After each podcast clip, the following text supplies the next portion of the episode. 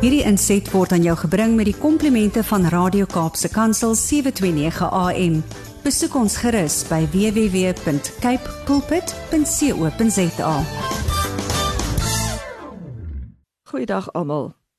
Ek is Erika de Tooy en ons gesels weer saam oor gestremdheid en die impak daarvan op individue, hul families en die samelewing.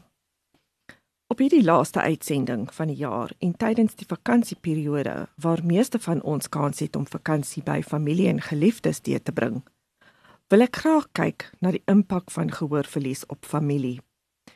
Hierdie menings kom van Fanie de Tooy, wie vir baie jare hierdie program aangebied het en wie vir baie luisteraars bekend sal wees. Hy skryf: Dit is belangrik om te weet tot watter mate kommunikasieprosesse in die praktyk deur gehoorverlies geraak word. Alle betrokkenes moet immers tydens persoonlike interaksie sekere konsepte en gedagtes kan verstaan en daarop reageer. Binne 'n gesin skep gehoorverlies verskeie praktiese uitdagings wat effektiewe interaksie soms baie moeilik kan maak. Kinders, kleinkinders wat speel, die musieksentrum, die televisie of radio wat aangeskakel word, blaffende honde, die geluid van 'n stofsuier en talle ander omringende klanke maak betekenisvolle kommunikasie 'n ramp vir baie betrokkenes. Ondersteuningsstelsel wat aan gesinne verskaf moet word, is deurslaggewend en 'n doelbewuste proses. Netwerke en hulpbronne stel belanghebbendes in staat om sover moontlik onafhanklik te funksioneer. Hierdie ondersteuningsstrukture word gedryf deur koesterende gemeenskappe. Dit is hartseer dat mense met gehoorverlies dikwels verkeerdelik deur hul geliefdes as afsydig en onbelangstellend bestempel word. Daar word dikwels na hulle verwys as hardhorend en mense wat nie regtig belangstel in wat ander te sê het nie. Soms ook dat hy of sy selektiewe gehoor het. Dit wil sê net hoor wanneer hulle dit verkies.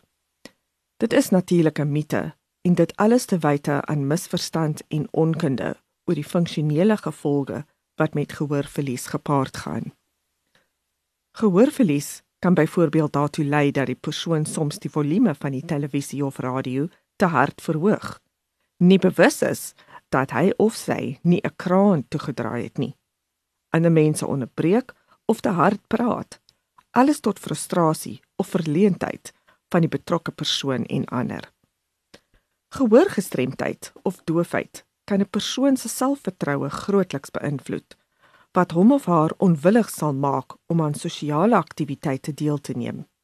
Veral in gevalle waar daar hoë vlakke van agtergrondgeraas, swak beligting, swak akoestiek en gebrek aan 'n goeie klankstelsel is. Dit kan bydra tot die onstuimigheid in interpersoonlike verhoudings. Die goeie nuus is dat gehoorapparate, kokleaire implantings, ondersteunende luister- en leeftoestelle en alternatiewe metodes van kommunikasie uiters positiewe stappe is wat geneem kan word om goeie interaksie en sosiale integrasie te bevorder. Daar is talle stappe wat geneem kan word om frustrasie en konflik te verminder en harmonie aan te moedig. Dit is raadsaam om seker te maak dat die kamer goed belig is en dat die volume van die televisie en ander klanktoestelle heeltemal gedemp is voordat die familie of vriendekring aan belangrike gesprekke deelneem. Aangesien kwaliteit van spraak duideliker is sonder mededinging van agtergrondgeraas. Terwille van gesinsharmonie, onthou dat gehoorgestremdheid of doofheid 'n houdingsverandering van alle partye vereis.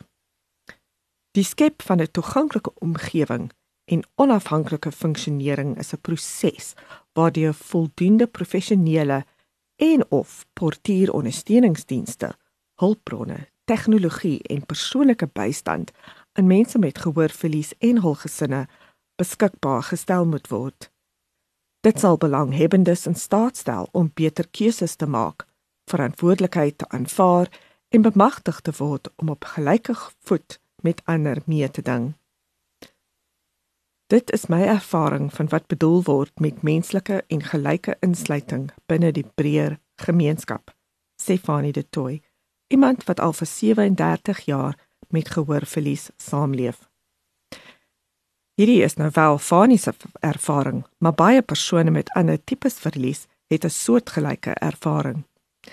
Ja, verlies het 'n uitwerking op familielede en vriende van persone met gestremthede en hulle benodig ook dikwels ondersteuning. Dis nou ons program vir vandag. Stuur gerus enige navrae of kommentaar aan my by awareness@wcapd.org.za of skakel my kantoor by 021 355 2881. Hierdie inset was aan jou gebring met die komplimente van Radio Kaapse Kansel 729 AM. Besoek ons gerus by www.cape pulpit.co.za.